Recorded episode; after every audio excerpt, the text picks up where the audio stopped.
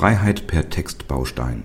Das OLG Zweibrücken zeigt in der aktuellen Entscheidung die rechtlichen Grenzen der Verwendung von vorformulierten Entscheidungsvordrucken auf.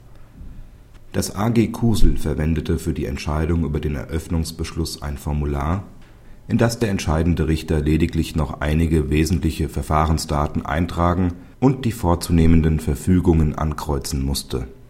Nachdem es nun ein Richter verabsäumt hatte in dem Vordruck wenigstens den Namen des Angeklagten, das Aktenzeichen sowie den Gegenstand der Klage zu benennen, sah das LG Kaiserslautern die Voraussetzungen für einen wirksamen schriftlich dokumentierten Eröffnungsbeschluss als nicht erfüllt an und stellte das Verfahren gemäß § 206a StPO ein. Das OLG Zweibrücken bestätigte diese Entscheidung.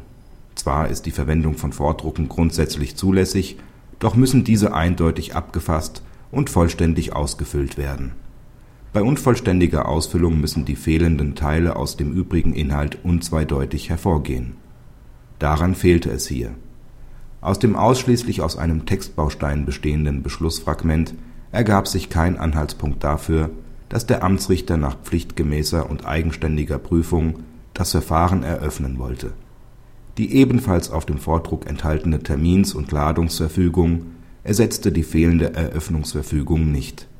Der notwendige Inhalt des Eröffnungsbeschlusses konnte auch nicht nachträglich von der Geschäftsstelle ergänzt werden. Denn die ordnungsgemäße Abfassung der Eröffnungsentscheidung ist ureigenste Aufgabe des Richters.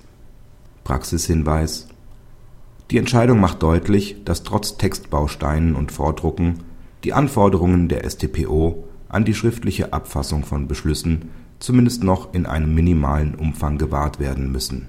Es bleibt zu hoffen, dass ein Gericht auch feststellt, dass beispielsweise das bloße Unterschreiben von Durchsuchungsbeschlüssen und Haftbefehlen ohne Aktenstudium und vorherige Auseinandersetzung mit dem Fall nicht ausreicht